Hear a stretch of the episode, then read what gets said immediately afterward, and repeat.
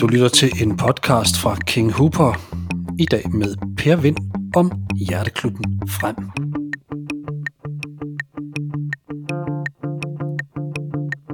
Per Vind kender om nogen boldklubben frem. Gennem 20 år fra 1973 til 93 spillede målmanden 590 kampe, hvilket på klubplan stadig kun er overgået af Lars Høgh fra OB.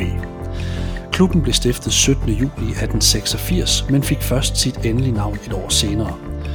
Boldklubben Frem er en klub med stolte traditioner, hvor særligt seks danske mesterskaber bryder i statistikken. Frem er synonym med tradition, sammenhold og fællesskab, og det kan hverken konkurser, nedrykning eller andre småtterier ændre på.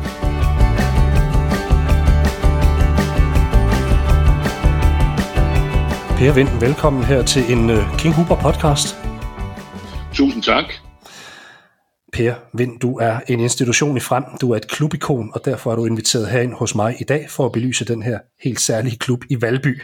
Det her program det indgår i serien Hjerteklub, hvor vi allerede har haft Willy Jønsson fra Gasolin med, og hans kærlighed til Fremad Amager. Men Per, du har en stor og gloværdig karriere i boldklubben frem, og alligevel så har jeg sådan en fornemmelse af, at du trods det bare er en blandt mange, når frem folk mødes. Det skal ikke forstås således, at din karriere negligeres, men mere, at man i frem har en stor grad af ligeværd. Er det korrekt? Ja, altså både og. Det kan måske en sandhed med lidt modifikationer. Altså, du, du har helt ret i, at min klub er jo en, øh, en klub med stolte traditioner og en, øh, en arbejderklub, hvor der, kan man sige, er plads til, til mange, mange skæve eksistenser, og, og selvfølgelig, når jeg, når jeg kommer over og ser øh, førsteholdet spille, hvad jeg desværre gør alt for sjældent, grundet mit, mit arbejde i, i en anden lille Københavnerklub, så, så, så bliver jeg da stadigvæk, kan man sige, genkendt af, af rigtig mange, og folk kommer hen og spørger, hvordan jeg har det, og, og, og dit og dat. Men, øh, så det, det er både, kan man sige, både ja og nej til, til det, som du, du introducerede. Mm. Men der er ikke som sådan den her sådan glorificering, som, som nogle gange næsten kan blive for meget for klubikoner, som, som næsten ikke, altså jeg ved jeg for eksempel en Allan Simonsen i Vejle og så videre, det virker bare nogle gange lidt som om, at, at frem har en, en nærhed over, så det var nok lidt det, jeg, jeg ville frem til, men, men øh... Ja, det er, du, det er du ret i. Jeg bliver, jeg bliver ikke båret i nogen kuglestol eller andet. Altså, det, det bestemt ikke. Jeg tager en pilsner eller to sammen med, med dem, som nu er over i klubhuset og på stadion, og heldigvis er der jo stadigvæk mange, som, som jeg kender, og desværre altså også mange af mine gamle, kan man sige, trænere og ledere, som, som er gået bort. Øh, men øh, ja, så, så er vi jo ens, når vi står over i klubhuset og får en, en pilsner eller to, så, så man, kan man sige, på, på samme bølgelængde. Ja. Hvordan vil du egentlig karakterisere din hjerteklub frem? Altså jeg tænker sådan, vi har værdier, kultur og, og så videre. Altså hvad, hvad, nu nævner du det her med, at der er plads til, der er plads til alle, men, men hvad er frem egentlig sådan kendt for, hvis du sådan skal ramme dem ind?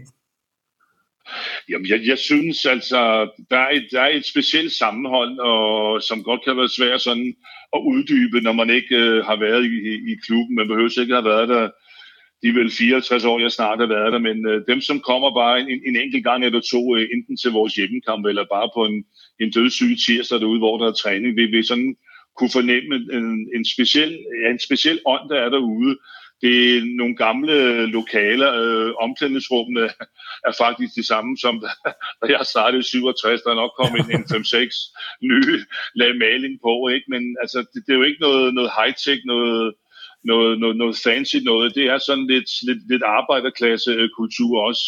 Kvæg den, det sted, vi ligger øh, i, i postnummer 2450 SV, tæt på Valby, øh, og kan man sige, lidt, eller ja, i nogle sociale belastede områder, ikke? Så, så er det det, det med sammenhold. Der, der er plads til alle, øh, både skæve eksistenser, dem som er arbejdsløse, dem som er på overførselsindkomst, der er plads til direktørerne, øh, til funktionæren, til håndværkerne. Jeg har spillet sammen med, med alle slags øh, mennesker, som har haft forskellige slags job gennem min, min karriere, så der, der, der er sgu plads til alle. Det, det er ikke som, kan man sige, da AB startede Akademisk Boldklub, de, de havde kun plads til akademikere, og det ved jeg godt, det, det, er, for en svund, det er for en svunden tid, men ude så også er der, er der, er der, er der plads til alle, og det, det fællesskab, det sammenhold, som vi har ude i, i frem, det, det, det synes jeg er unikt, og det, får jeg også fortalt, og det er for mange fortalt, når, når der, der kommer spillere udefra, både fra det mørke Jylland, hvor du kommer fra, Steff, eller, eller andre steder, der, der, der siger de altså, det, det, er, det er noget specielt, øh, og, og måske, mange gange lidt udefinerbart, hvad, hvad der der er derude, men øh, vi, vi, er, vi er lidt specielle og har plads til alle, byder alle velkommen. Og det her sammenhold, det manifesterer sig også tit på tilskuerpladserne. Jeg har i hvert fald oplevet flere, som spiller ned i divisionsrækkerne, siger, at det der med at komme til frem, det er ikke altid så sjovt, fordi der er en, altså, selvom man ikke spiller på de højeste niveau længere, så er der faktisk øh, altid et, et, et sundt fremmøde. Jamen det er det, altså nu ligger vi i 3. division, som er, kan man sige, Danmarks fjerde bedste række, og vi har stadigvæk til vores hjemmekampe mellem 7 800 mennesker. Der, ja.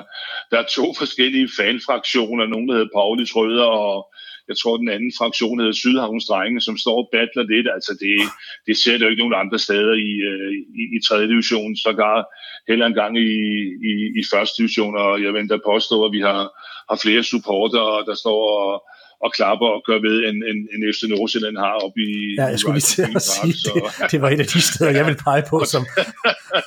det var det eneste, jeg umiddelbart kunne finde, men det er ja. for at negligere det, men altså, det, det, er, det, er, det er unikt, og, jeg, og de var der også, da vi for nogle år tilbage spillede i Danmarksserien, og, og er der stadigvæk, og de, altså, jeg synes, det er imponerende, at man kan have 700-800 mennesker til, til en hjemmekamp i, i Valby Idrætspark. Ja. Hvis vi starter ved din begyndelse, Per. Hvornår stifter du sådan første gang bekendtskab med, med boldklubben fra Valby?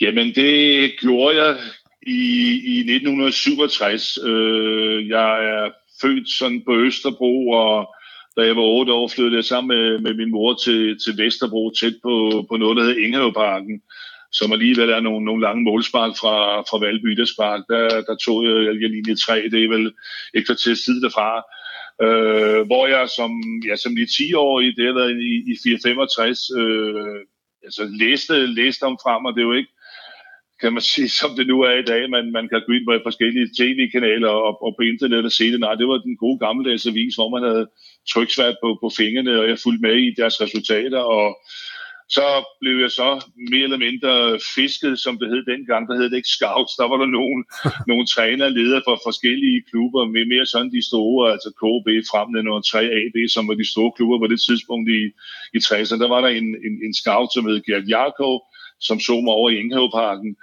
Øh, på, på en lille fodboldbane der, som var med cement, og jeg blev ved det tidspunkt øh, kaldt Yashin, fordi jeg, jeg kastede mig altid, okay. og hvor, hvor det er som 10-11 år, altså var god til at tage med hænder, og min mor var ikke så glad for det, fordi der, der var ikke mange dage, hvor jeg ikke kom hjem med nogle, nogle huller på bukserne, og vi havde ikke så mange penge i det vinske hjem, men øh, mm. der blev der syet, og den gode Jakob, han, han så åbenbart lidt talent i mig, og spurgte, om jeg ikke havde lyst til at komme ud til, til boldklubben frem, og det gjorde jeg så, og blev indmeldt den, den 10. april 1967.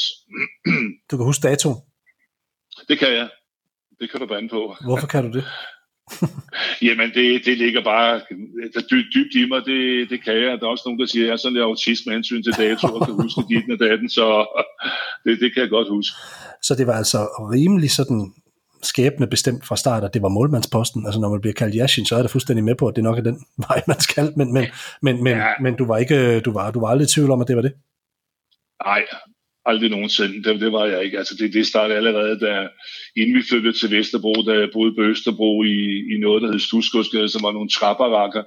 Der i slut 50'erne, start 60'erne, der var jeg også nede som, ja, 5-6-årig og, og spille nede i gården, som man kaldte det. Det var også på cement, og der, der tog jeg åbenbart også med hænder, og de store valgte mig altid som, som den første, selvom de, ja, de store, de var nok været i 8-9 år, og jeg var, jeg var jeg var 5-6 år på det tidspunkt, så det, det var målmandsspillet, som, øh, ja, som drev mig, og som, som blev min, kan man sige, eller besejlede min, min skæbne allerede der.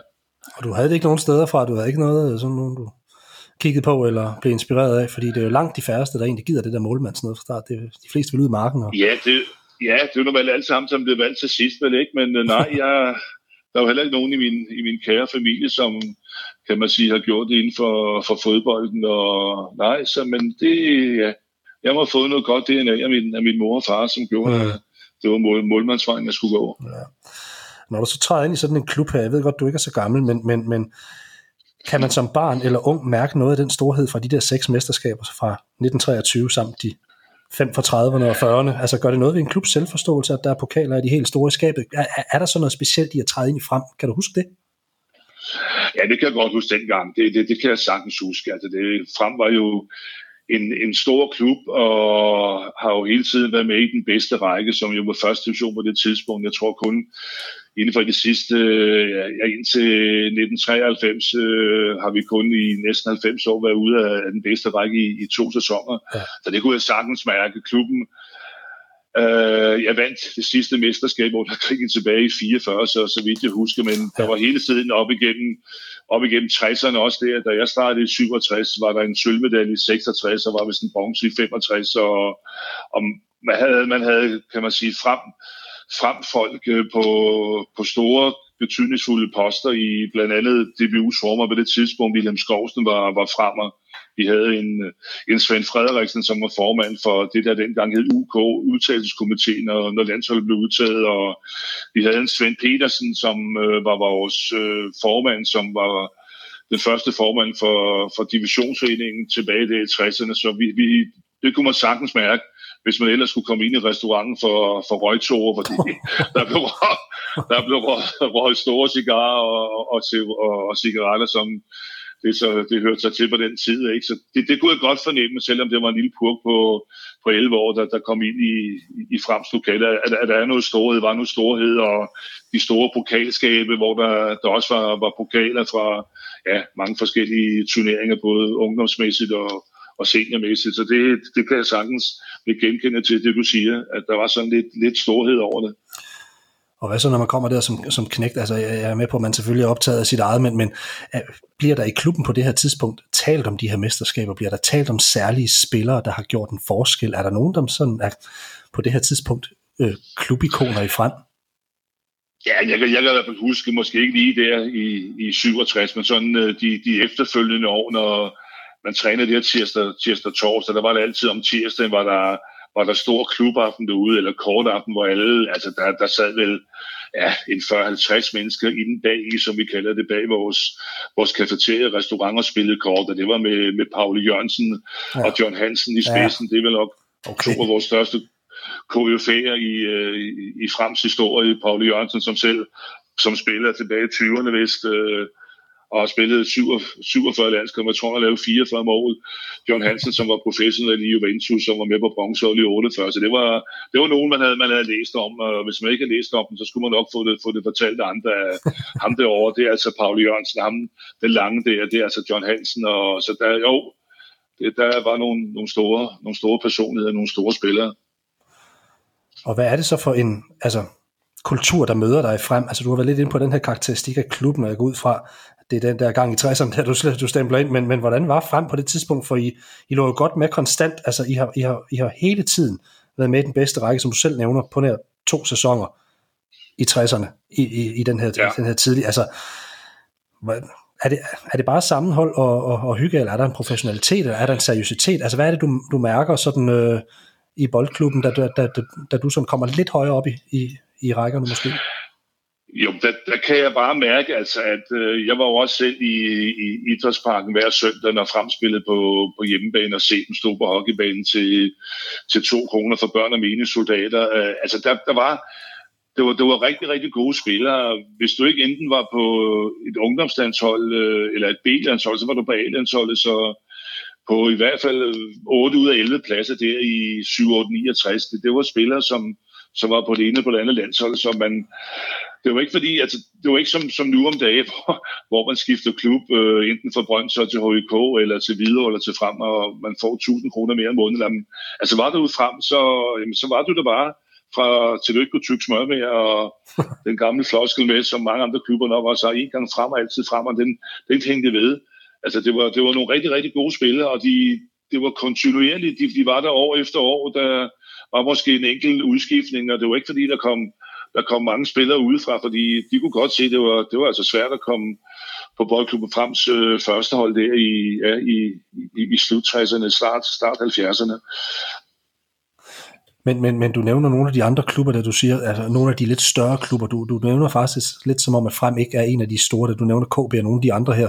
Øh, er Frem sådan en, er det, altså er følelsen lidt, at man, at man hænger lidt bagefter i forhold til at få de bedste spillere til, eller, eller hvordan har du det der? Fordi når altså, du nævner de andre som store, så må det må være en årsag.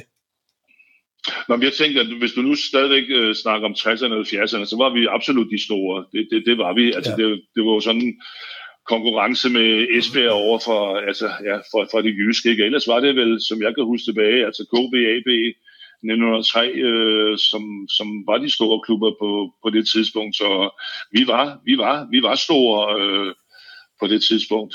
Og ja, så blev vi selvfølgelig overhældet. Det er vi kommer tilbage, eller du kommer tilbage til det senere hen selvfølgelig af, af andre klubber øh, hen ad vejen. Ikke? Men frem var virkelig var store der i, ja, både i 40'erne og 50'erne og 60'erne. Og hvem så du op til, da du gør din entré i klubben? Er der nogle særlige spillere, der du sådan netop træder ind? Ja, det, det, det var der. Jeg, jeg, jeg så meget, min, min, min kæmpe store forbillede var, var vores, øh, som heldigvis stadigvæk lever, gammel landsholdsmål med Leif Nielsen, øh, som spillede 29 landskampe, og der kan jeg huske mange, mange gange, når jeg selv havde trænet ude frem, øh, var færdig med træningen, sad jeg nede bag førsteholdsmål og, og så, hvordan han, han agerede til, til træning, og det gjorde jeg, ja, det gjorde jeg to gange om, om, om ugen i, i hvert fald, hvis ikke det var tre gange om ugen, og, og min mor kunne ikke forstå, hvor jeg blev af mange gange. Hvad laver du? Nu var træningen slut, men altså, jeg, jeg elskede at se ham træne, og det, jeg var så heldig så tilbage i, i, i 1977 at, øh, at få ham som, som målmandstræner, så det var, det var sgu stort for mig, og det var stort at se ham agere, og jeg, jeg kan også huske, at der var ikke mange penge. Jeg var alene, eller min mor var, var, var alene med mig. Der var ikke så mange penge at rute med, så når der en, måske en gang eller to om, om ugen var råd til, at jeg kunne, kunne købe en BT eller ekstra bad, jamen så klippede jeg altid ud. Og jeg har så to skrabbøger stadigvæk op på loftet med Leif Nielsen tilbage fra, ja, fra slut 60'erne. De, det er ikke klinodie. Ej, hvor øh, vildt. Ja, så han var, han var en, en kanon målmand på det tidspunkt. Det, det, det var han rigtig, rigtig stor, stor keeper, og en af os af de største, kan man sige, målmænd i, i, i Frems historie. Det var mit store forbillede. Hvordan var han som menneske? Super fyr, super fyr. Lærte meget af ham, bare det, det enkelte år, jeg, jeg havde ham. Øh, jeg debuterede på, på landsholdet i 77, så det var meget pudsigt, der, der, der fik jeg ham, og han, han, han lærte mig, mig sgu mange ting, fordi også da han selv, da han selv spillede, var han en enormt stor træningsnarkoman, havde, kan man sige, sit eget, det hed jo ikke dengang, eller fitnesscenter nede i kælderen ude frem med boksebolde og okay. forskellige andre medicinbolde, så han var meget forud for sin tid. Og jeg kan huske, vi, vi snakkede meget sammen, sådan efter vi, vi, havde, vi havde, eller jeg haft specifik målmandstræning med ham, altså hvordan jeg skulle agere i nogle givende situationer, og der var der mange ting, jeg kunne, jeg kunne tage med. Mm. Hvornår rammer du førsteholdet, sådan, øh, og hvordan var det at være med hos de bedste? Jamen, jeg rammer førsteholdet i, i august øh, 1973 øh, som 17-årig. 8. august. Jeg bliver 18 år den 15. august. Og det gør jeg efter, jeg bliver rykket op som fra yndlingholdet i, øh, i januar 73, fordi på det tidspunkt der havde frem målmand hed Valdemar Hansen, som også var en rigtig god målmand, som var med til de olympiske lege i, i, i 72 blandt tre andre målmænd. Han havde allerede der sagt, at han var politimand, og han til sommer skulle han tilbage, hvor han næsten kom fra til Slagelse, og der ville han ikke bruge tid på at, at køre den time fra, fra Slagelse til, til København til Valby. Så der blev rykket op for, kan man sige, det første halve år at få lidt, lidt hår på brystet og mærke lidt det senere fodbold og spille på vores på vores andet hold, som, som lå i Danmarksserien, indtil så debuterede der i, i august 1973. Og, og, og, og, og det der med at lokke folk altså på det her tidspunkt, altså hvad, hvad er, er, der, er, der, er der penge i fodbold på det her tidspunkt? For jeg ved jo, at du har jo arbejdet ved siden og haft et godt job på Carlsberg for eksempel. Øhm, hvordan, hvordan ser det ud med, med øh, du må ikke nævne tal eller noget, men, men hvad har man at rute med på det her tidspunkt i dansk jamen, fodbold? Jamen, der, jamen, der er jo ingen penge, jo. Vi er jo stadigvæk amatører, mm. glade amatører. Jeg kan huske, øh, man fik, man måtte få nogle penge i, i henhold til DBU's gaveregulativ, som det så fornemt ja, Og det må, og det må en maks være, jeg mener, jeg mener, det var 3.000 kroner jeg kan huske det, der altså efteråret er slut i, i 1973. Jeg tror, jeg får 800 kroner udbetalt, og der kan jeg så godt huske, at jeg køber et, et, øh, et sofabord sådan med katler, som var meget inde på det tidspunkt. Det var, det var, helt, det var helt vildt. Det lyder også i dag, men, men det var helt vildt, at man har råd til det at købe. Hold op. Jeg boede stadigvæk hjemme, og min mor var helt, ej, vi skal have kakkelbord, og jeg stod på det, og så, ja, det var, der var ingen penge, som sagt, det var kun det, og det var så først i, i 1978, der, der blev indført det, man kalder, eller man kaldte betalt fodbold i, i, i Danmark. Hvordan havde du det egentlig med det? For der har jo været sådan en, en, en, en stemning af det her, at man var, altså man var jo meget imod det i Danmark i lang tid, og jeg kan huske, at Frank Arnesen og, og Søren Lærby ryger afsted til udlandet, for eksempel bliver de jo nærmest, altså deres forældre bliver nærmest udskammet hjemme i Danmark i, i forhold til det her med, med den her amatørisme, og det var nærmest børnehandel, og det har de Søren i hvert fald selv fortalt mig. Men, men, men, ja. men, men hvordan har man det ud frem, hvor man egentlig er den her arbejderklub med amatørismen? Altså, er, er det lidt tab for, for jer, eller hvordan, hvordan har I det på det tidspunkt? Nej, jeg, jeg tror bare, at vi var nødt til at følge med strømpen, da, der nu øh, har Nielsen og Helle Sander lavet den der professionelle, kan man sige, tilgang til det hele, og de havde jo taget afsæt til det igennem mange år, men men DBU's, kan man sige, lidt konservative stil, og vi skal stadigvæk forblive de, de glade amatører. Det, den holdt ikke med os, fordi hvis vi på landsholdsniveau skulle måle os med, eller skulle begynde at måle os med en lidt større nationer, jamen så krævede det, at spillerne fik, fik bedre forhold, fik, fik bedre mulighed for at træne, og jeg kan huske, at altså, jamen, så, vi var bare nødt til at være med på vognen, fordi det er i 78, da det blev indført, der, der er, vi, er vi godt spillende i frem. Vi, får en sølvmedalje i 1976, og vi, får, øh, vi vinder vores Toto-turnering tilbage i 1977, som er en, en, en sommerturnering, når der ikke er, er gang i de, i de forskellige turneringer rundt omkring i Europa. Så får vi vores pokaltitel i 78, så, så vi kan man sige er godt med, øh, der, der, der, toget, der toget kører, ja. og der, er vi med på den, og nu siger jeg professionelle forhold, det, det var det jo ikke, Steffen. Det var Ej, det altså betalte amatører, ja, ja. fordi jeg, jeg havde stadigvæk, som du lidt nævnte tidligere, mit, mit gode job som kontormand på Carlsberg, og, og kom, kan man sige, direkte fra, fra, fra mit arbejde ud at træne, så, og andre kom med, med tommestokken i hånden for deres snek- eller tømmerarbejde og, og det stige, ikke? så ja. vi, vi, fik, vi fik lidt penge for at, at træne bold. Ja. Og nu er det ikke for at jogge i det, men du nævner det selv nu her, altså I, I har et, øh, i 76, tre år efter du sådan er kommet på første hold, kan jeg forestille mig, det her lidt svine nederlag, da I mister mesterskabet faktisk på sidste spildag. To år senere, så revancherer... Ja, jeg ved det godt. don't, men, don't mention the war. Ja. to år senere, heldigvis, det, det ender godt jo, så revancherer jeg ja. og tager pokaltitlen. Det må have været nogle emotionelt hårde år før forløsningen i 78, hvor I endelig tager, som sagt, pokaltitlen. Kan du erindre perioden, Per, efter det her forliste mesterskab, for den, den må have været lidt hård at sluge efter? Og jeg ved godt, det ikke er rart at snakke om. Ja, men, ah, men det var helt vildt hårdt. Selv nu her, ja, det er jo 41, eller 45 år siden, ikke? Den, øh, den, den sidder stadigvæk, når nu folk nævner, nu når du nævner det. Det, det var jo således, vi, vi har haft en kanonsæson i, i, i hele 1976, og i den sidste spilledag, den, den gang spillede man kun øh, 22 kampe. Så den 22. kamp skulle vi ned på, på Næstved ja. stadion møde Næstved, og de var rykket ud på det tidspunkt til, til anden division, og vi skulle bare i gåsøjne øh, ned og vinde.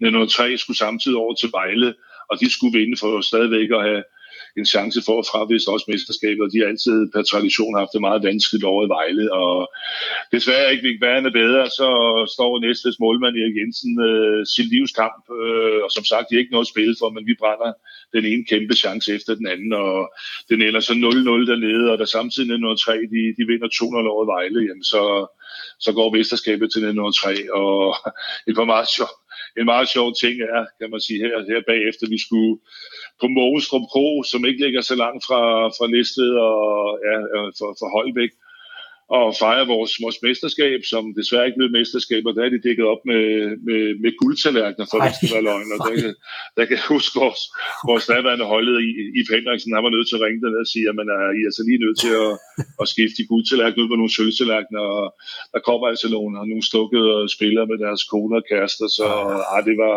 det var en markedsdag, det der, det, det må jeg sige. Og du kan stadig mærke det i dag? Ja, jeg kan, jeg kan stadig huske det.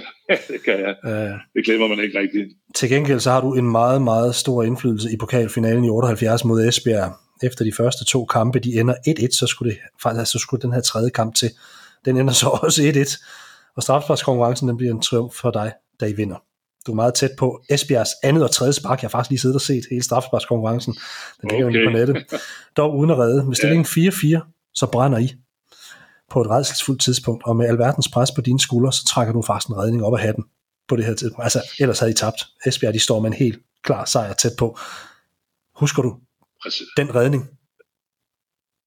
Og jeg, kan, jeg kan sagtens huske også. Det, det, det, det er helt rigtigt, hvad du siger. De har en matchbold derefter på deres femte straffe, og jamen, jeg, jeg gør det, som måske er lidt åndssvagt, men det var så, så godt på det tidspunkt. Jeg, jeg bliver stående simpelthen, og det er Jens Jørgen Berlesen, vores, vores gamle midtbanespiller på landsholdet, som sparker, og jeg, jeg redder med en fodparade. Ja.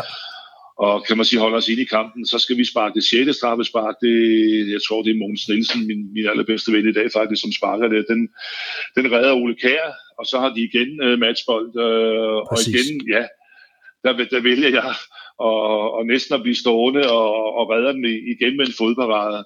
Så scorer så på vores syvende uh, Frank Faber. Han sætter den op i krydset. Han var ikke mere end 18 år på det tidspunkt, så han var, han var rimelig kølig.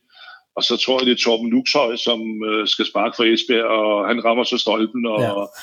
ja, og så bliver vi pokalvinder, og jeg var, jeg var anfører, øh, og var nok en af de yngste på det tidspunkt. Jeg var, hvad, jeg var 22 år, og ja, men det var, det var, det var, helt, det var helt sindssygt, og som du selv startede med at sige, det var den tredje kamp, hvor ja. DBU var nødt til at gå ind og lave en regelændring, fordi ellers havde vi spillet endnu, altså, og de var nødt til at sige efter den anden kamp, nu er det altså slut, nu, tredje kamp skal det afgøres, ikke? og så er det også helt vildt, at man, man efter tre uger gjorde det kampe, alle tre endte 1-1 og forlænge spilletid, så ender i en, en, en straffesparkkonkurrence, så det var, det var fantastisk.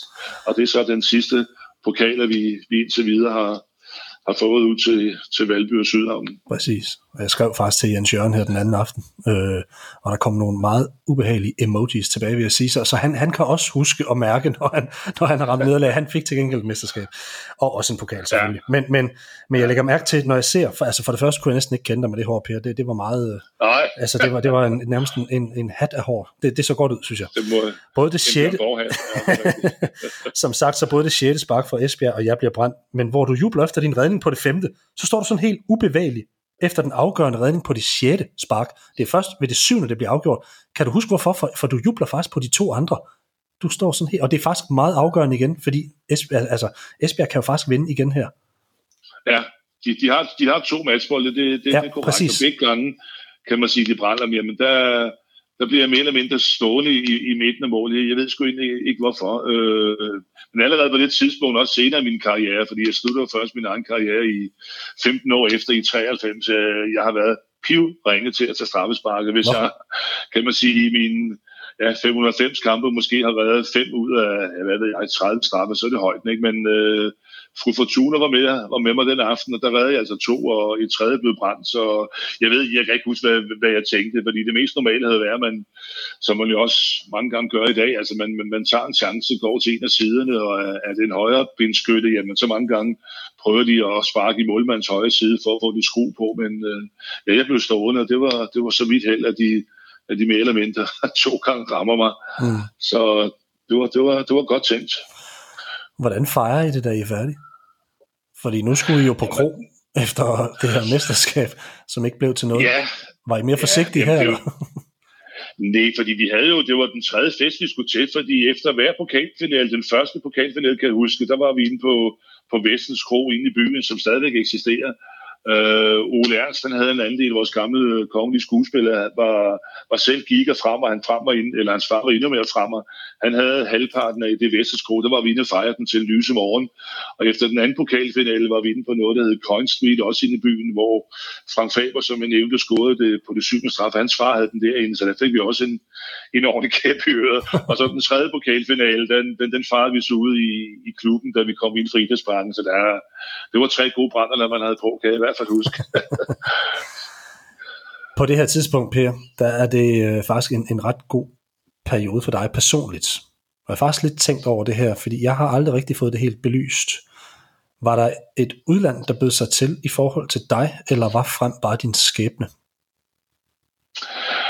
Jamen, det var jo således, at øh, på det tidspunkt der i, ja, i, i 70'erne og så gar også 80'erne, der var ikke, der var ikke rigtig gang i, i de danske spillere til udlandet. Det var kun de, kan man sige, allerbedste, og, og specielt målmanden var der, ikke, var der ikke meget, kan man sige, aftag i fra udlandet. Så vidt jeg husker, kan jeg faktisk kun huske to målmænd der i 70'erne, som røg afsted til udlandet, og de var begge to fra B103, Bio Jensen og Benno Larsen. Ja. Fordi verden, altså Ole Kvist og Ole Kær og ja. Per Poulsen og Alex Nielsen, som jeg konkurrerede med, røg jo heller ikke til udlandet. Så uanset næsten, hvor, hvor, hvor, hvor dygtig du var som, som målmand, og, og de danske målmænd har garanteret været billige på det tidspunkt. Der var en helt anden, kan man sige, købspolitik, end, end der er i dag. Ikke? Så, så var der ikke nogen, der røg afsted. Så jeg, jeg har aldrig selv personligt øh, fået et tilbud fra en udenlandsk klub. Jeg har kun læst, kan jeg huske, i, i politikken der i, altså det har nok været i, i 79, så der var en hollandsk klub, Go Ahead Eagle, som øh, var ude efter, man, ude efter mig, men det hørte jeg aldrig selv noget til. Så altså frem har, ja, det, det, det er min klub, og, og har altid været det, og hvis det var på et tidspunkt, der var kommet noget fra udlandet, jamen altså, ved jeg ikke, hvordan jeg har taget stilling til det. Jeg har nok bare været tilfreds med at, at være ansat på Carlsberg og, og, og spille frem. Øh, ja, det, det, skal kun guderne vide, hvad, hvad der kunne være sket. Ja, for, ja, for det, det, er jo, det er jo netop det, du, du har jo faktisk et godt job, men også ville skulle sige farvel til. Øh, og i forhold til, hvordan pengene er på det tidspunkt, det, jeg er ikke helt klar over, hvor meget for eksempel en, en lærerby eller Andersen får, eller en tidligere en Harald Nielsen for eksempel, som, som jo også er stadig, men, men, men ja. så det er ikke sådan, at du sidder og kigger misundeligt efter nogle af de der spillere, som sådan øh, kommer til Bologna Juventus, altså for vi har jo haft spillere også tidligere, som kom, ja. som kom ud også. Og over, overhovedet ikke. Jeg har ikke skænket det mange tanker. Det, det, det har jeg ikke. Fordi også som sagt, altså, der var, der var ikke rigtig, der var ikke nogen målmand, der var afsted på den anden de to, jeg, jeg nævnte før, Bjørn Jensen og Benno Larsen, så det var, det har slet ikke været i, i, i mit hoved overhovedet med, med udlandet, nej. Men det er også en anden tid, det her, Per. Altså, det er jo også en anden tid, det her. Da, jeg kan huske, da jeg taler med Claus Berggren, så nævner han faktisk over for mig, at da han får et tilbud fra PISA, der er han faktisk overhovedet ikke sådan rigtig gearet til det. Han er egentlig ved at være færdig med noget uddannelse og vil egentlig gerne i job. Øh, så, så, så var der også bare et andet mindset på det her tidspunkt, at, at det der med fodbold, så, så vildt var det heller ikke at kunne leve af det. Man skulle virkelig ville det måske. Og at et, et job yeah. var måske meget mere sikkert og, og fremtidsbaseret. Yeah, yeah. Jamen, jeg tror, du, du har lidt ret i det, i det Steffen. Altså, det, det, det var det, fordi udlandet var sådan, at hvad, jamen, i sin anden kultur, og selvom det måske kunne være Tyskland eller Belgien, som godt også på det tidspunkt kunne melde lidt om Danmark, der var man måske nok lidt, lidt, lidt bange altså for at tage afsted, og jeg ved heller ikke, hvor, hvor mange kan man sige, penge, der var egentlig på det tidspunkt, men selvfølgelig var der, var der flere penge i, end, for vidt vedkommende at være fuldvægtig på, på Carlsberg eller ja. at tjene få penge ude frem, ikke? Men øh, jamen, ja, ja, det var kun de, de allerstørste, altså store navne, som, som spillede øh, nogle landskampe eller flere landskampe, eller topscorer, gode midtbanespillere, som, som røg afsted der i, i 70'erne, først 80'erne. Og så er det sådan lidt anderledes mindset. Jeg har, jeg har altid tænkt på den der med, med Ivan Nielsen, som jo bare drømte om at komme tilbage og arbejde øh, efter, efter hans, hans udenlandskarriere for eksempel, men hvor fodboldspillere i dag jo meget har det her mindset med, at det er nu, jeg skal tjene mine penge, som om man aldrig kan få ja. et job igen. det, det er lidt specielt. Ja. Der må det have været meget, meget ja. omvendt hos jer, at, at det der med at have et job, det var altså først og fremmest, og så kom fodbolden måske lidt i anden række, det ved jeg ikke. Jamen det var det, du, altså du havde et arbejde, det, det er jo fint, og kan man sige, jeg tror, at de fleste ude så også var, var tilfredse med det, med det job, de havde, og man havde en indtjening, man havde en familie, og jamen, man havde ikke, og det kan jeg også huske fra, fra min, på mine holdkammerater gennem, gennem mange år, det, det var aldrig et, et, et, et tema at sidde og starte. Det kunne være, være, være lækkert at komme til udlandet, ligesom Henning Jensen og Lang Simonsen, bare for at nævne dem til Gladbach, og mm det, men altså, det, det, det tænkte man slet ikke på, også for, måske fordi altså, vi, vi heller ikke følte, at vi, var, at vi var gode nok, og ja, der kom jo heller ikke rigtig nogen, nogen tilbud øh, til nogen af os, og det, det var også selvom jeg, jeg spillede sammen med, med, med, med rigtig gode spillere, en, en Flemming Alberg for eksempel, som har spillet over, over 30 landskampe, Lars Larsen, øh, en, en 24 landskampe, der så vidt jeg ved heller ikke rigtig været, eller har, har ikke været bud efter dem heller. Nej. Hvordan, øh, hvordan var frem gearet på det her tidspunkt til det her med, at folk havde job? Altså, hvor, hvor, hvor large var man, og hvor large var, var man på et job for at få frem til at lykkes? Altså, var der et samspil mellem de to? Kunne klubberne og jobsene sådan godt fungere sammen? Var der en respekt omkring det, eller hvordan? Ja, det blev, det blev der nødt til at være, fordi sådan var det jo. Altså, det var, selvom der blev indført øh, betalt fodbold i, i 1978, så var det jo ikke mange bagsøger, man fik. Jeg, jeg kan huske, Ole Mørk var, den første, der skrev kontrakt med frem i 78. Jeg var nummer to, og, og jeg fik øh, 22.000 kroner om året, altså i, i brutto, så det, der er måske været 1000 kroner om, om, om måneden øh, at gøre godt for, men det, det synes man jo var godt, også fordi ja. at klubberne ikke rigtig vidste, hvad, det var jo, kan man sige, ingenmandsland, men, men man vidste ikke rigtig, hvad, hvad er der af penge, kommer der nogen tilskuere, og hvad ved jeg ikke, så altså, man, man havde sit job, og der var slet ikke nogen muligheder for, hvis, og de klubberne havde heller ikke de, de store penge, så man kunne ikke fra starten af, kan man sige, lave professionelle tilstand eller købe folk fri fra arbejde. Det var, det var slet ikke overhovedet et, et, et tema, fordi det var der ikke penge til i, i de enkelte klubber. Mm. I kommer frem til endnu en pokalfinale, som du selv nævner, i 1981 mod Vejle. Den taber I desværre. Men der venter jeg en god tid, og da I rykker op i Superligaen i 88, der er du fortsat med, Per. De har et stærkt og talentfuldt hold med profiler som Thomas Tøresen, Dan Eggen, Mukramin Yasaki, Mikkelsen, Jimmy Lytje, Peter Lassen osv. Søren Kolding får for eksempel blot to kampe den sæson, hvor I vinder bronze, tror jeg. Det var med Ole Mørk som træner, og så bliver det pludselig en lidt anderledes træning. En lidt hårdere træning har jeg ladt mig fortælle. Er det rigtigt? Altså ændrer det sig lidt i frem? Da, altså ikke, ikke kun i 88, men, men da, da Ole kommer til? Ja, Ole, Ole var en lidt atypisk øh, træner, men på den gode måde. Jeg vil sige, vi, vi trænede mega hårdt der i, i 76, 77, 78, hvor vi vinder noget hvert år. Der havde vi en engelsk træner, der hed Jimmy Strain. Der, der løb vi altså helt sindssygt meget og var i god kondition. Men det er rigtigt, hvad du siger. Øh, da Ole kommer til, efter vi har haft Jan Poulsen og to omgang, som også var en, en, en rigtig god træner, en 4-4-2-mand. Men da Ole kommer til, bliver der, bliver der ja, måske trænet lidt, lidt mere struktureret og, og, og målrettet, og vi blev på det tidspunkt der i 91-92 kaldt for og stadigvæk de, de, de glade amatører og, og trappeartisterne, fordi ja, vi, havde ikke, vi havde ikke råd.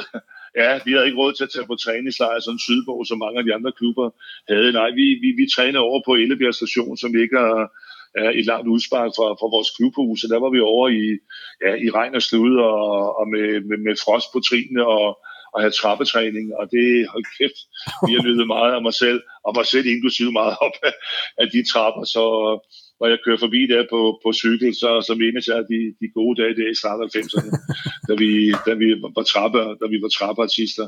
Og igen, Ole var, var, var, var selv forud for sin tid, med hensyn til sådan noget som, øh, når, når vi trænede, øh, jamen, så kunne han godt midt i, i et spil, vi kunne spille 11 mod 11, så nu stopper vi, så skulle vi lige tage to fingre op på vores puls, op på halsen, og så se, altså, hvor mange slag det stod, og hvis det var, ja, det stod, det stod for meget, jamen, så, så kan vi, har vi lige, kan man sige, trænet for hårdt, så har der været lidt for høj intens, så på det tidspunkt var der slet ikke hvad fanden stopper du spille for at mærke puls, jamen, hvad, hvad snakker du om? Ja. Vi var vant til bare at spille, spille 11 mod 11, der var lidt nogle trøjer ud, ikke? Og det samme med Ole gik ind sådan for, for kost. Nu skal I huske lige at, at spise noget pasta og noget kødsov der og der. Så åh, det, var, det var helt nyt, så jeg vil sige, at Ole var, var meget sådan innovativ både med hensyn til træningsøvelser, men også det, hvad man skulle, skulle spise og, kan man sige, gebære sig uden for banen. Og da jeg talte med Ville Jønsson omkring det her med fremad Amager, der nævner han jo også frem, fordi klubberne måske minder en lille smule om hinanden sådan i, i, ja. i, i kultur og så videre. Og det der med trapperne, det var i hvert fald noget, han, han havde fået fat i. Det, det, det, var, det var jo åbenbart kendt for i området. Men øh, ja. hvad, hvad er det, der lykkes så godt for jer, Per, de her år? Altså selvfølgelig med kulminationen omkring bronzen i 92, og så det faktum, at når der er sol, så stiller du op i en lyserød kasket. Jamen, vi, vi er op mod store kanoner, kan man sige, i, i hvert fald i, i Brøndby, ja. som på det tidspunkt er, er lokomotiver hjemme og har masser af landsholdsspillere og, og, og, og penge også, øh, hvor vi ikke har de store penge. Men vi, Ole var, var dygtig til at, at få nogle gode spillere til klubben, og du nævnte selv nogle af navnene tidligere. Øh, og de, de spillere, altså vi havde et, et unikt sammenhold, synes jeg også selv igen, fra, som vi nævnte, eller jeg nævnte lidt fra starten, men med det sammenhold og, og, og den sociale klub som fremad, altså der, der er som kom fra, fra Norge, øh, han har aldrig oplevet noget lignende, det, det siger han stadigvæk i dag, når vi, øh, vi har en, en, en, en sjældent gang noget, noget, noget sammenkomst. Det var blandt andet sidste år, hvor han kom fra Norge, fordi han skulle være med til at, at være ude på frem. Øh, Thomas Tørsen som blomster, som var en, en fantastisk spiller, øh, vi havde Michael Mio, vi, vi fik for Albertslund, Finn Jensen. Øh, vi, vi, havde, vi havde nogle gode spillere, og Ole var god til at og kan man sige, strukturere træningen og, og, og sætte holdet godt op. Og, og det igen, altså mod de, at både Lyngby og tre øh, Brøndby var, var, var dygtige på det tidspunkt, der havde, havde langt, langt større budget, end, end vi havde. Ja. Vi, vi, vi, vi kunne en enkelt gang om ugen, kan jeg huske, om, om fredagen øh, blive købt fri fra vores arbejde kl. 14 for at kunne træne kl. 15. Ellers trænede vi stadigvæk der, når klokken var 18 om aftenen, ikke? fordi folk skulle lige have fri fra arbejdet, og ja. det var unikt på det tidspunkt der i start 90'erne, og som du selv siger, kulminerende med bronzemedaljen i 92, så vi kunne nå så langt. Det, det, det var det. Var det en blanding af både rutine og ungdom? Fordi når man ser ned over holdet, så, så var der jo noget, der sprudlede, men der var også den her, det her anker, for eksempel i dig. Altså, var frem bare godt skruet sammen på det her tidspunkt med den helt rigtige blanding af, af rutine og, og ungdom og gejst? Ja, Ja, ja, det synes jeg. Det synes jeg, fordi du nævner også selv Søren Kolding på det tidspunkt. Jeg tror, han spillede to kampe der i, i hans spæde ungdom det i, i 92. Han var, han var sådan en af de unge, øh, ja. nogle andre unge. Altså, Lars Larsen var, var holdt op, ikke? men det var, det var en god blanding. Øh, vi er ikke sådan helt sådan unge spillere, som man har i dag på 18-19 år, men øh, sådan for en, en 21-22 år op til mig, øh, der på det tidspunkt var, var, var 37 og, og klart den ældste på holdet, men ja, vi, det var et, et, et godt mix af folk i 20'erne og, og, og nogle i 30'erne, og vi, vi, vi havde det godt sammen, og en god træner i Ole, og det, det bærer et langt stykke hen ad vejen. Hvordan føles det så, når sådan en overladning sker, som, som den med, at øh, flere af spillerne ryger til, til for eksempel Brøndbyen, Dan Eggen, Thomas Tøresen osv., ikke? Altså, I har selvfølgelig også den her konkurs året efter, hvor I faktisk rykker ned. Ja, det var jo katastrofe. Jeg sluttede, jeg, jeg sluttede jo der i 93, kan man sige, med at vi, at vi, gik, at vi gik konkurs, og det var, det var jo smerteligt, når man for mit vedkommende efter at have spillet 20 år på første hold, skal, skal slutte med at se klubben gå, gå konkurs. Ja. Og selv, som du selv siger, se både Thomas Tørsen, Søren Kolding og Dan Eggen ryge, ryge til Brøndby, og kan man sige, vi blev jo splittet i, i atomer det er klart, dem, som havde nogle ambitioner, de, de var jo ikke tilfredse med, at man, man rykkede to rækker ned, som man gjorde på det tidspunkt, man skulle starte, kan man sige, forfra i, i den tredje bedste række. Så ja, det var, det, det var pinligt, at vi, at vi som klub, også over på dansk fodbold, altså skulle nå dertil, at, at de ledere, som, som var i klubben på det tidspunkt, altså ikke kunne forstå, at øh, man ikke brugte en, en krone, når man kun tjente 25 øre, så det var, det var smerteligt desværre. Ja, og det samme det gentager sig faktisk i 2010. I har skulle kæmpe og tage nogle lange ture op af nogle store huller. Det er jo nok også det, der karakteriserer frem. I er nogle fightere. Jeg talte tidligere, som sagt, med Ville Jønsson om, hvad det her med konkurs gør ved en klub, fordi Fremad Amager har altså også prøvet det her nogle gange, og det går ondt. Hvordan har de her to nedture påvirket klubben frem? Jo, det er jo påvirket på den måde, altså, at det selvfølgelig, det er jo ikke sjovt at, kan man sige, ude i fodbold Danmark, og jeg måske ikke grine af, men så blev, blev hånet lidt at sige, altså, man har gjort en fejl i, i 93, så gør man det sågar, altså, 17 år efter øh, at, at gå konkurs igen. Man har, har klubben, har, har lederen ikke lært noget af, af det, der skete i, i 93, kunne man spørge sig selv, og det spurgte jeg også mig selv om. Altså, hvorfor pokker kan man ikke finde ud af at, at holde et budget og, og lade være med at, at give spillerne måske lidt for høje lønninger, hvis der ikke er råd til det. Så det, altså det, det er måske en floskel at sige, men det har jo et eller andet sted gjort, gjort klubben lidt, lidt, lidt stærkere også, at man, at man står måske lidt, lidt mere sammen om tingene og rykker lidt sammen i, i, i bussen, både på spillersiden, men også på, på, på fansens side. Ikke? Men det er da klart, det har da givet boldklubben frem et, et, et, et blakket ry i, i historiebøgerne, at man nu to gange har måtte, måtte kan man sige, erklære sig konkurs. Det, det, det er ikke godt. Det, det er dårligt, dårligt management. Det er med på, det er, men, men er det sådan, altså nu, nu nævner jeg har ikke tænkt de her ord som pinligt og, og så videre. Altså det her sker jo nogle gange for, for nogle af de her, de her klubber. Altså er det sådan en meget lidt, lidt uskrevet, at det sker bare ikke i en, i en, i en lidt større klub, som for eksempel meget, meget ja, det, traditionsrige? Det bør, altså, ja, det bør, ikke, det bør jo ikke ske. Det, det gør det jo ikke. Altså det er jo, det, det er jo logik, at man ikke bruger, synes jeg da i hvert fald, bruger flere penge, end, end, end man tjener. Og, og igen, når det var sket i 93, så man så så mange år efter gøre den samme dødsøn igen, altså for at, at blive, jeg tror på lidt tid på den næstbedste række, det, den, den holder jo ikke vand jo. der er altså nogle, nogle, nogle ledere, en, en bestyrelse, som altså har tænkt med røven. Det, det, det, må, det, må, jeg, det må jeg erkende, øh, at, at, det, at det sker. Det, det bør ikke ske. Det, det bør det ikke. Det må man kunne se, kan man sige, de fartruende signaler og, og tælle kassen op og se, hvad er der indtægt og hvad er der udgifter. Det, det bør ikke være så svært. Så det, jeg, jeg, jeg, jeg synes, det er pinligt, og jeg, jeg er lidt flov over det, kan man sige, at det skal være med i, i, i vores historie. Men hvad sket er sket, og jeg håber aldrig, det, det kommer til at ske mere. Nej. Og når man nu har den her position, altså nu ved jeg, at det går faktisk rimelig okay lige nu. Øh, I ligger i hvert fald godt og lunt i svinget. Øhm, den her historie med KB og B1903, der lige bliver til FCK, og øh, noget af det, der sker over i Herningegnen, hvor man fusionerer osv. Har du nogensinde været bange for, at din klub frem skulle forsvinde ind i noget? Jeg ved, Fremad Amager var jo også inde og lave noget med nogle andre klubber, hvor det også gik op i hat og briller. Har du nogensinde frygtet for, frygtet for frem og, og frygtet for, for klubben, og at man havnede i en situation, hvor man blev nødt til at gå ind i et eller andet?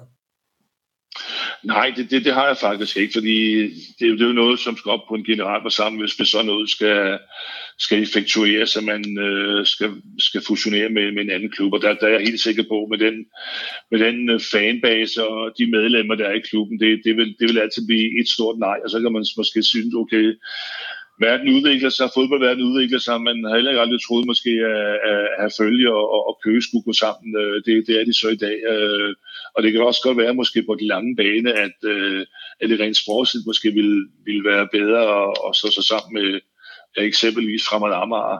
Men så klart, som du selv nævnte, så, så var Frem jo også med ind i billedet, der var, at, at det blev til København der tilbage i, ja i 1. juli 92, at de var med på tegnebrættet, og fremad Armermenia også var det ikke, som, at det ikke kun var KB03, som skulle danne FC København, men øh, at frem også skulle med, men der, der sagde vores, vores bestyrelse, at jeg ved ikke, hvor langt de kom i forhandlingen, men det, det blev i hvert fald sagt nej til, så, men jeg, nej, jeg er ikke bange for, at vi, at vi skal fusioneres med andre, det, det er jeg ikke, det, det tror jeg aldrig bliver en realitet. Nej og det er med det her med, når man, når man nu så KB, en mastodont og den ældste, altså et, virkelig en en, en stolthed også for dansk fodbold i forhold til at være nogle af de første. Og øh, i, det er også derfor, jeg nævner jer lidt ja. i den sammensætning. Så, ja. så kan man jo bare godt få de her tanker, at, at når, når selv den mest traditionsrige, eller den ældste måske kan falde, ja. så er der vel ikke nogen, der ikke kan.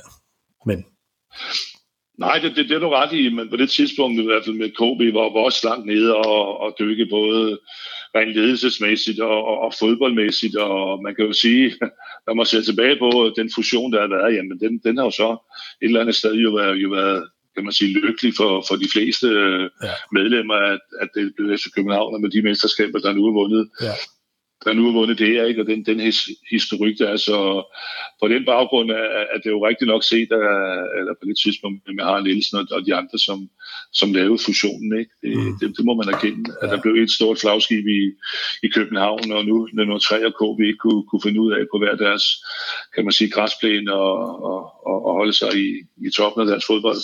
Mm. Men frem har trods alt det her i min optik altid været en seriøs og meget ambitiøs klub. Men jeg synes også, man har haft en selvindsigt og, og godt vidst, at man aldrig nok bliver den her økonomiske mastodont. Hvor ligger ambitionerne hen de her år, Per? Hvad går man og håber på i frem, tror du? Eller ved du?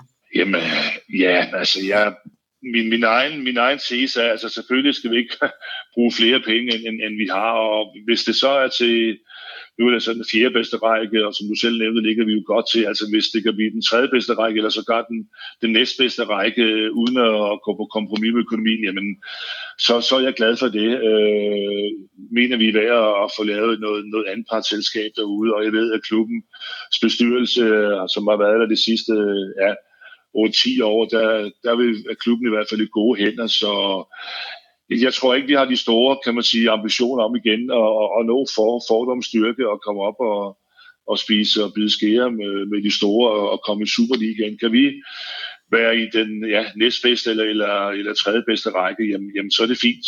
Så, så er det helt fint for mig, og det tror jeg også der for, for de fleste andre lidt, lidt ældre medlemmer derude. Det, selvfølgelig ville det måske ikke gøre noget, der kom en mand med en papkasse med, med, med, med mange millioner, men uh, derfra til, at vi igen skal være en, en professionel fodboldklub, eller, eller Brøndby, eller FC København, der, det, det kommer vi aldrig til. Det, det kan jeg ikke forestille mig. Nej, og hvis der nu kom en, fordi nu, jeg kan ikke lade være med, den her, den nævnte jeg faktisk også for Willy Jønsson med, den, den ting, der for eksempel sker i Newcastle, som bare er den her arbejderby, hvor der pludselig kommer en arabisk mange millionær og ja. lander en masse, masse penge. Der stillede jeg faktisk vildt lidt det samme spørgsmål. Hvordan vil man forholde sig til det frem, at der pludselig kom den her store lunds penge ind ad døren? Altså, at man, at man er vel ikke villig til at gå på kompromis med hvad som helst derude for at, at få succes, eller hvad? Nej, altså, penge kan købe alt, som, som man siger, men jeg tror ikke, den, den, den går ud, ude hos os. Det, det, det tror jeg simpelthen ikke i bund og grund, fordi at det igen skal op på en, en generalforsamling og besluttes, ja. og dem, som kan være fortaler for det, og at der kommer en klubber, som vi investerer, og vi, kan man sige, inden for de næste fem år skal vi Danmarksmester og ud og spille Europa, hvis det var, det var det. Jamen, det, det, den er svær at sluge. Og jeg har det også sådan på en eller anden måde med de, de rige, øh, altså både fonde og oliemagnater, hvem der ellers spytter penge øh, i, i, i, i store engelske klubber og andre klubber, jamen det er sådan en, en, en form for legetøj, at, at de bruger de forskellige klubber, når de sådan ja. synes, at ah, nu vi måske tabt for mange penge, nu trækker vi os, jamen så står man altså med, med måske altså 100 lønnede mennesker, som man fra den ene dag til den anden er nødt til at fyre, fordi at en, en, en stor mastodont eller pengefolk, de, de, de trækker sig. Det har man også set et eksempel på hjemme allerede, godt nok i, i mindre omfang, men både næste, som var på tyske hænder, gik og Bundes Vendsyssel, også ja. fra Amager nogle omgange, også med, ja, med, med, med Tole Jønsson og andre i spidsen, ikke? Ja. Med, nogle Makedon, eller hvor de nu kom fra, ikke? Så det, ej, det, jeg, jeg tror ikke, det sker. Det, det sker hos os. Det er ikke noget, der vil blive, blive sagt ja, ja tak til øh, med, med kysseren. Det, det tror jeg bestemt ikke. Nej, og i Danmark plejer det her lidt at være nogle varmluftsballoner, der eksploderer til sidst. Vi har i hvert fald set det i andre sportsgrene også i Danmark. Per, hvis vi skal runde det her af, så vil jeg faktisk stille dig et sidste spørgsmål. Og det er ret simpelt og alligevel meget stort. Hvorfor holder du så meget frem? Jamen, det, det er mit hjerteklub. Det er min klub. Jeg har, har været medlem af den siden 67, nu på 55 og 20 år. Øh, har klubber, har klubberkorten derude, jeg har klubbens guldnål, altså jeg, jeg identificerer mig med, med den klub øh, på godt og ondt. Det har smertet mig de gange, som jeg tidligere nævnte, vi er gået konkurs, men no matter what, så har jeg fået så mange varige øh, venskaber derude og kammeratskaber derude, og har så mange gode minder. Den, den har givet mig så meget øh, med, med rejser og, og oplevelser, så igen, det, det stærke sammenhold, øh, der er, og de igen kammeratskaber og, og venskaber, som jeg har knyttet gennem fodbold og igennem frem, det, jamen det, det er unikt. Det vil jeg skulle bære med mig lige til, at jeg slikker træskoene. per, jeg vil fortsat følge frem skæbne, og jeg håber det bedste for jer. Så vil jeg takke dig for din tid. Tak fordi du har lyst til at være med i dag. Det var så lidt fornøjelse. Husk, du kan finde flere podcasts på kinghuber.dk. For teknikken i dag stod Carsten Pedersen. Mit navn er Steffen Pedersen. Tak fordi I lyttede med, og på genhør.